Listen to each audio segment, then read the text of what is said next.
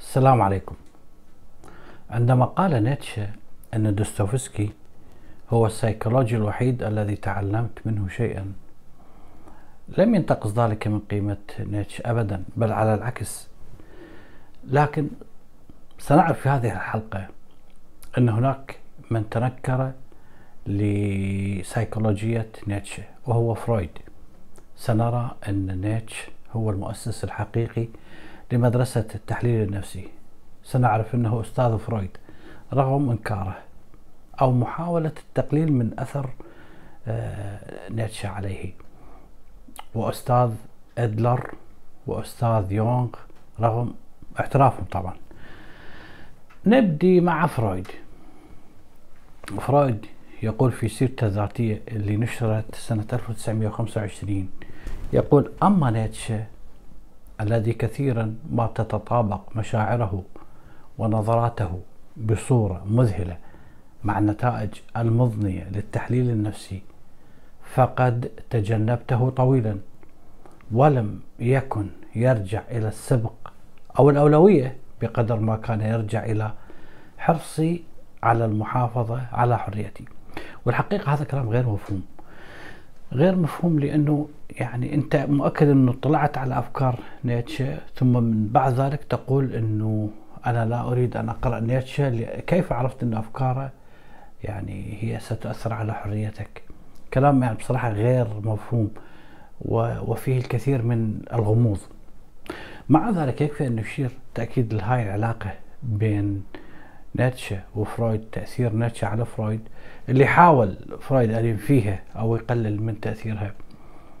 نشير إلى أن آه، مؤرخ حياة فرويد أرنست جونز هذا الشخص اللي كتب حياة فرويد. يذكر في إحدى المرات أن فرويد في أحد الخطابات سنة 1900 بالضبط آه، يقرر فيه أنه في هذا الخطاب اللي يبعثه أنه مشغول بقراءة نيتشه وإحنا نعرف أنه فرويد هو قارئ آه، جيد جدا لكل شيء. بالتالي هاي فد شيء يثبت أنه هو مطلع على أفكار نيتشه. الأمر الثاني إنه المرأة اللي كان يحبها نيتشه لوسالومي حضرت مؤتمر التحليل النفسي الثالث اللي انعقد سنة 1911 والمعروف إنه هي انضمت إلى مدرسة فرويد واللي كان يعتبرها أحد تلامذته. حاولت هذه المرأة في مذكراتها اللي كتبتها بعنوان من مدرسة فرويد أن تربط بين نظريات التحليل النفسي وبين آه، التعبيرات النفسية عند الفيلسوف نيتشه. هناك وهاي هي الأكبر هي الطامة الكبرى رسائل متبادلة بين فرويد وبين أحد الرواة اللي هو أرنولد سفايج في سنة 1927 امتدت إلى سنة 1939 مراسلات كثيرة بيناتهم. أخبرت سفايج أخبر فرويد أنه ينوي أن يضع كتاب أو رواية طويلة عن نيتشه. ثم أرسل إليه لفرويد سنة 1930 خطاب يمدح فيه فرويد مدح يعني إلى درجة جدا كبيرة. يقول له فيها أنه يعني أي فرويد حقق كعالم نفس تلك الرسالة التي شعر نيتشه أنه الملهم وأنه مكلف بأدائها. وأن نيتشه قد عجز عن تحويل رؤاه الشعرية إلى حقائق علمية. بالتالي أنت استطعت يا فرويد أن تعمل هذا الشيء. فأخذ هذا الروائي يعدد إنجازات فرويد اللي سبق إلها الفيلسوف نيتش وهي كلها آه، لم يكن مؤكد أنه فرويد راضي عن هذه الرسالة. فيقول له من ضمن رسالة حاول نيتش أن يصور ميلاد التراجيديا وأنت يا فرويد فعلت هذا في كتابك عن الطوطم والمحرم. عبر نيتش عن شوقه إلى عالم يقع وراء الخير والشر وأنت يا فرويد استطعت أن تبحث ذلك عن طريق التحليل النفسي أن تكشف عن مملكة تنطبق عليها عبارات نيتشه. وكما فعل نيتش في قلب القيم وتجاوز المسيحية أنت أيضا قمت بقلب القيم وقمت بتجاوز المسيحية وصغت خصم المسيح الحقيقي. وكما تحرر نيتش أنت أيضا تحررت من الزهد كما حاول نيتش أن يلغي الزهد من هذه الحياة. أنت أيضا شطبت هذا الزهد من الحياة اللي كنت تعتبره المثل الأعلى. كذلك أنت استطعت كما نيتشه أن ترد إرادة القوة إلى الإنسان الذي تقوم عليه تلك الإرادة. وكما نيتش استطعت أيضا أن تتناول بعض المشكلات الجزئية التي اهتم بها الفيلسوف نيتشه عن الأصل اللغوي للمفاهيم الأخلاقية في كتاب أصل الأخلاق. فتطرقت إلى مشكلات أعظم وأهم أهم من الكلام والإفصاح والربط بين الأفكار وتبليغها وتوصلت أنت يا فرويد إلى حلها. أما الروح المنطقية أو السقراطية اللي رفضها نيتش أيضا أنت قصرتها على مجالات الوعي فقط ووضعتها في حدودها بصورة أدق. وبما أنك باحث طبيعي وعالم نفسي تتقدم بالبحث خطوة خطوة فقد أتممت ما تمنى نيتشه أن يتمه ألا وهو الوصف العلمي للنفس البشرية وجعلها مفهومة. بل إنك يا فرويد زدت على ذلك بحكم كونك طبيب إنه أنت آه، وضعت أو وجدت العلاج لأمراض النفس البشرية. فكما إنه فيلسوف المطرقه استطاع أن يحدد منهج أنت فقت في هذا البحث السيكولوجي بأسلوب موضوعي خالص عن أمور مثلا الدوافع العرفيه والدينوزية واكتشاف تأثيرها وفعلها على كل فرد من أفراد المجتمع البشري. هاي الرسالة اللي هو يمدح بها فرويد مدح يعني كبير جدا تصور ما هو كان رد فعل فرويد على تلك الرسالة. ابدا لم يكن راضي عنها وينصح الروائي أنه يعدل عن فكرته بتأليف آه، كتاب أو رواية عن نيتشه. بل أنه فرويد في خطابات لاحقة سيقول أننا لا نعرف إلا القليل عن تكوين نيتشه الجنسي. وهذا القليل لا يساعدنا على تطبيق أدوات التحليل النفسي لإلقاء الضوء على حياته وعلى قدره.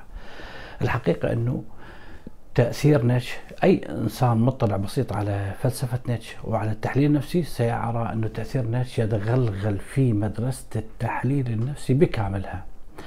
مجرد أن تعقد مقارنة بين نصوص الفيلسوف نيتشه وبين مدرسة التحليل كتب فرويد ستجد مقارنة بيناتهم إلى درجة جدا كبيرة. ستجد أن فرويد ونيتشه يشتركون في مثلا الاعتقاد بأن كل تفكير الإنسان كل أفعال الإنسان كل أشكال التعبير عن حياة البشرية عند الفرد أو عند الجماعة هي ظواهر معبرة عن عمق باطن. وأن اللاوعي هو الذي يقوم بذلك الدور الأكبر وليس الوعي. اللاوعي هو الذي يقوم بذلك الدور الأكبر وليس الوعي. أيضا تكون السيطرة لتلك الدوافع التي تأتي من مناطق لا واعية في النفس البشرية أقوى وأكبر من الوظيفة العقلية. سنكتشف أيضا جوانب أكبر من شخصية الإنسان اللي يحاول بطبيعته أن يستر على تلك القوى الخفية في أقنعة من كل نوع ويتم اكتشاف ذلك التستر أو سيزول ذلك التستر عن طريق الأحلام ولو حسب نظرية فرويد. لهذا يأكد نيتشه في مواضع كثيرة من نصوصه ومن كتاباته أننا نستطيع أن نستخلص من التعبيرات الانفعالية لأي إنسان عند غضبه. مثلا ما يفوق في حقيقته كل ما يمكن أن نستخلصه من هذا الإنسان وهو في حالة عقلية. لأن العقل هذا العقل اللي يعتمد دائما على الوزن والقياس والحساب والتخطيط. فرويد نفسه نعتبرها زلة لسان أو كذا أعترف بأن كتابات نيتشه تنطوي على نظريات حدسية. هو يقول كتابات نيتشه تنطوي على نظر نظرات حدسية. ممكن أن نجدها في كثير من الأحيان متطابقة مع نتائج التجربة أو النتائج التجريبية لنظرية التحليل النفسي. والواقع أنه هذه كتابات الفيلسوف نيتشه هي متناثرة في معظم كتبه فيها مفاهيم وأفكار لا شك أنه بها أهمية وقيمة كبيرة تحليلية ونفسية. كثير من المصطلحات الموجودة بنظرية التحليل النفسي موجودة عند نيتشه بذور نمت بها هاي المصطلحات اللي استقرت فيما بعد في نظرية التحليل النفسي مثل مصطلح الهوى أو الغرائز المذكور أكثر من مرة في روايته الفلسفية هكذا تكلم زرادشت مع ذلك تبقى النظرات الحدسية كما وصفها فرويد هي الأجدر بالاهتمام لأنه مؤكد أنه أثرت على تفكير فرويد أيما تأثير ولم يستطيع حتى أن يتنكر له. مصطلحات كثيرة ذكرها الفيلسوف نيتش موجودة في نظرية التحليل النفسي مثل التصور الدينامي للنفس مع تصورات أخرى مرتبطة به. على سبيل المثال مثل الطاقة النفسية مثل مقادير الطاقة الكامنة أو الطاقة المعوقة تحويل الطاقة من دافع إلى دافع كلها مذكورة عند الفيلسوف نيتشه تصور أن النفس عبارة عن نظام أو عبارة عن نسق من الدوافع. هاي دوافع يمكن أن تصادم مع بعضها تصارع تندمج تذوب مع بعضها البعض كلها مذكورة عند الفيلسوف نيتشه أيضا الفيلسوف نيتشه قدر أهمية الدافع الجنسي مع إنه الفيلسوف نيتش لم يجعل هذا الدافع الجنسي في المقام الأول كما فعل فرويد بالضبط قبل أن يتكلم عن غريزة الموت في كتاباته المتأخرة. مع ذلك الفيلسوف نيتش آه، عد الدافع الجنسي يأتي بعد دافع العدوان والعدم. عمليات كثيرة سماها فرويد آليات الدفاع. وبخاصة مثل عمليات الإعلاء، التعويض، التعجيل، التعويق اللي موجوده عند الذات حتى تحمي نفسها من الهو. اللي يسميها فرويد عمليات الكبت كلها موجودة. وذكرها الفيلسوف نيتشه اتجاه الدوافع وجهة مضادة للذات نفسها أيضا موجودة عند الفيلسوف نيتشه كذلك نجد كثير من الأفكار المهمة بالضمنة في نصوص كتب الفيلسوف نيتشه مثل صورة الأب والأم مثل أوصافه للإحساس بالحقد مثل الضمير الكاذب مثل الأخلاق الفاسدة. كلها سبقت أوصاف فرويد للإحساسات العصابية بالذنب كما أيضا سبق في وصفه للأنا الأعلى للضمير. ما أريد ادخل به أكثر من اللازم. أيضا ممكن أن نجد إنه كتاب فرويد قلق في الحضارة يكاد يكون موازي لكتاب نيتشه أصل الأخلاق. بشكل موازي دقيق الفرق اللي بيناتهم فقط إنه فرويد آه اهتم بالتطور اللي يبدأ من الماضي بينما كان نيتشه يطلع إلى المستقبل. هذا فيما يخص فرويد. أما عن عالم النفس الآخر اللي هو ألفريد أدلر هذا مؤسس علم النفس الفردي. مذهب أدلر هو بالضبط صورة نفسية بالضبط من فلسفة نيتشه. هذا آه، العالم النفسي إدلر آه، عنده أفكار وقضايا في مذهب الفلسفي قريبة جدا من أفكار نيتشه اعتبر عالم النفس ادر إن الشعور بالنقص من أهم حقائق الحياة النفسية. يذهب إلى حد القول بأن الإنسان الكائن يسعى دائما بشكل دائم إلى إكمال شخصيته وذلك بفضل إنه هذا الإنسان دائما يشعر بالنقص ودائما يشعر بضآلة قيمته فإذا عاق هذا السعي للإنسان من أجل الكمال عائق وحيل بين هذا الإنسان وبين الطموح إلى القوة وإثبات الذات ستظهر على هذا الإنسان أعراض المرض العصابي. هاي العبارات السابقة موجودة بالضبط في فلسفة نيتش متقاربة جدا مع مذهب إدلر اللي حركة الطموح إلى القوة عند إدلر واللي موجود إرادة القوة عند الفيلسوف نيتش. إدلر عنده كتاب آه، عن الشخصية العصابية تقريبا سنة 1911 ألفه يوافق على أن إرادة القوة الموجودة عند نيتش تصلح للتعبير عن مسعى وأنه هاي الفكرة يندرج تحتها الليبيدو الدافع الجنسي الميل للانحراف أيا كان مصدرها جميعا يقول إدلر أن إرادة القوة عند عند الفيلسوف نيتش تنطوي على جوانب كثيرة في رأيي. ادلر يقول إذا ذكرت اسم نيتش فقد كشفت عن أحد الأعمدة الشامخة التي يقوم عليها علمنا أو فننا. أرادت القوة عند نيتش بها اختلاف قليل عن الطموح إلى القوة عند أدلر عند أدلر في نظريته عن العصاب تختلف بشيء بسيط عن إرادة القوة.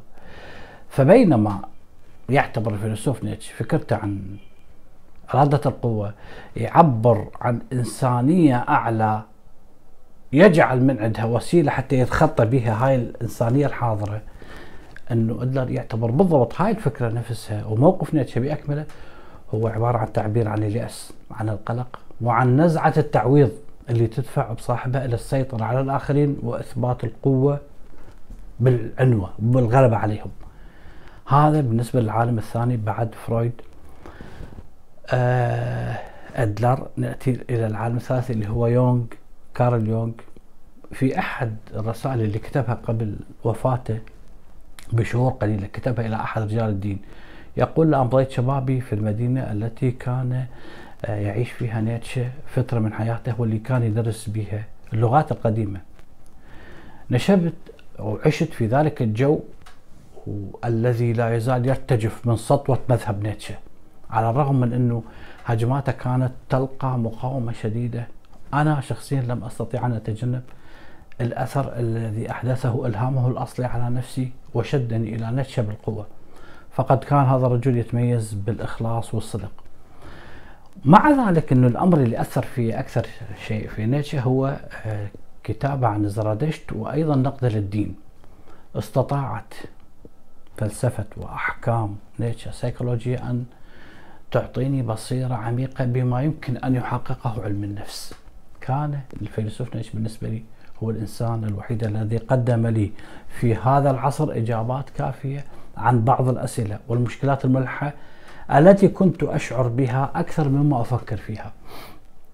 وهنا آه، يونغ درس حالة من حالات من نيرفا اللي هي يسموها التخاطر أو التذكر الخفي اللاشعوري اللي صادفها صادف وجودها عند الفيلسوف نيتش وحاول أن يتحسس آه، طريقة إلى اللاوعي اللي وقع نيتشه تحت تأثيره. آه، نيتشه عند كتاب عند عند كتابته لروايته الفلسفية زرادشت. يعتبر عالم النفس يونغ إنه تطرق به أكثر من مرة إلى الوعي وإلى اللاوعي. فيقول إنه هذه الاهتزازات الراجفة العميقة يتحدث عن الوعي. هذه الاهتزازات الراجفة العميقة للمشاعر وهي التي تتخطى مجال الوعي وتتجاوزه هي القوة التي أظهرت للنور أقصى التداعيات تطرفا وخفاء. يقصد اللاوعي. يزيد يقول اقتصر الوعي على القيام بدور العبد الخادم لشيطان اللاوعي. شيطان اللاوعي اللي طغى على الوعي وراح يغمره بالخواطر الغريبة. وما من أحد استطاع أبدا أن يصف حالة الوعي بمركب لا وعي أو بمركب لا واعي غير الفيلسوف نيتشه. وهنا يونغ يتابع كتاب الفيلسوف نيتشه ميلاد المأساة آه، من روح الموسيقى بخاصة عن إحدى الشخصيات الآلهة الإغريقية اللي هو ديونيسوس هذا إله الخمر عند الإغريق القدماء وملهم طقوس الابتهاج وملهم النشوة مع إشارة صريحة إلى أنه نيتش في هذا الكتاب ميلاد التراجيديا أو المأساة يكتب رسالة يونغ إلى فرويد سنة 1909 تقريبا يقول له يبدو أن نيتشه قد أحس بهذا إحساسا قويا. ويخيل إلي إن ويخيل إلي أن الدينوزي كان يمثل موجة ارتداد جنسية لم تقدر قيمتها التاريخية أبدا وقد تدفقت بعض عناصرها إلى المسيحية وأن طبقت بشكل معتدل وتصالحي. هذا التأثير من الفيلسوف نيتش للعالم إدلر بشخصية نيتش بنمط حياة نيتش بتفكيره بأحلامه برؤى ممكن أن تجدها في معظم كتابات يونغ من بدايته إلى نهايته.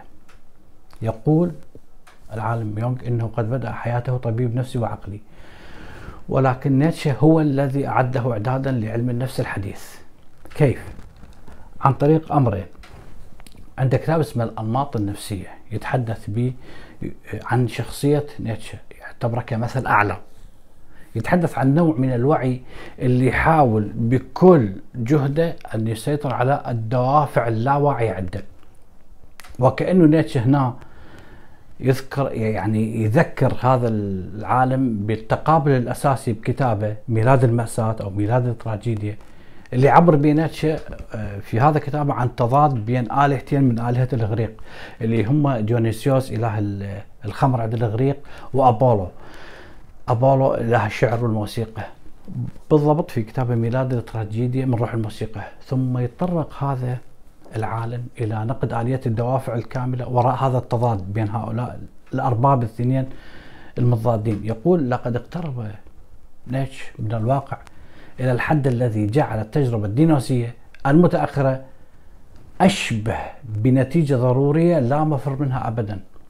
أما هجوم الفيلسوف نيتش يتكلم يونغ عن في ميلاد التراجيديا على سقراط فهو هجوم على هذا العقلاني العاجز عن عاجز عن الإحساس بالنشوة والتوهج الدينوزي الدينوزي هنا اللي يقصد به هو العقل الواعي وراح نشوف إنه الأبولو هو العقل اللاواعي.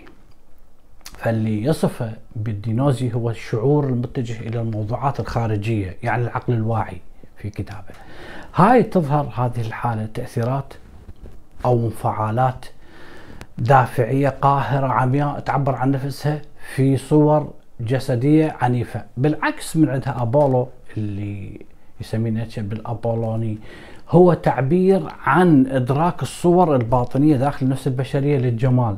للحب للمشاعر المعتدلة للأشياء الداخلية فقط. تبرز هاي الطبيعة الابولونيه إذا قارناها بالأحلام مثلا على سبيل المثال فهي حالة استبطان متجهة علما متجهة للباطن على العكس من الدينوزية المتجهة إلى الوعي. غنية بالأفكار وبالمثل الأبدية. يعني بالنهاية هاي الحالة الأبولونية هي تعبير عن حالة الانطواء نفسها اللي يعيشها الفيلسوف نيتشه حسب كارل يونغ. فعندما يحلل يونغ شخصية نيتشه يقوم بتحليل هاي الشخصية فيقول إنه شخصية نيتشه تجمع بين الحالتين الدينوزية والأبولو تجمع بين الوظيفة النفسية للحدث من ناحية ومن ناحية ثانية تجمع بين الإحساس والدافع من ناحية أخرى. فنيتشه يمثل النمط الحدسي أو الوجداني اللي يميل للانطواء. مع ذلك هاي النزعة الانطوائية الموجودة عند الفيلسوف نيتشه تخالطها نزعة عقلية ونقدية حادة. لكن بالنتيجة بالنهاية تبقى الغلبة المن الغلبة للنمط الحدسي المنطوي داخل نيتش اللي يفتقر للتنسيق العقلي فقط لا واعي مع ذلك هذا النمط اللي يعيشه الفيلسوف نيتش يميل إلى أدراك الخارج عن طريق من؟ من منظور باطني. ولو حتى على حساب الواقع.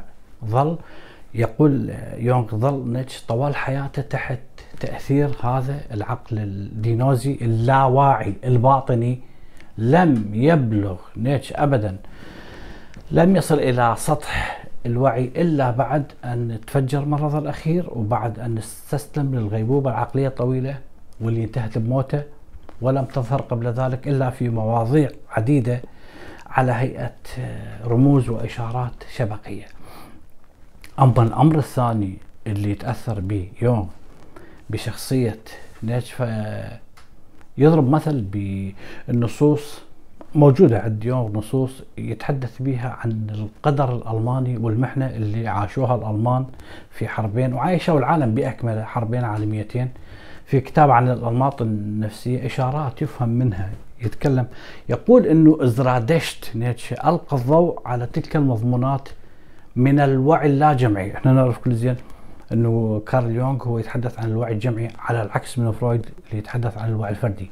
فيقول أن زرادشت تتحدث عن الوعي اللاجمعي اللي مرتبط بظهور الإنسان القبيح ويتحدث أيضا عن المأساة اللاشعورية الفاجعة التي ستحدث اللي عبر عنها هذا النبي الضد اللي هو زرادشت ويذكر اقتباس لزرادشت اللي يقول بي ويل لهذه المدينة العظيمة وأنا الذي تمنيت أن أشاهد أعمدة النار التي تحترق فيها لأن هذه الأعمدة النارية يجب أن تسبق ظهور العظيم ومع ذلك فلهذا أوانه وقدره الخاص. انتهت هذه الحلقة وشكرا لكم.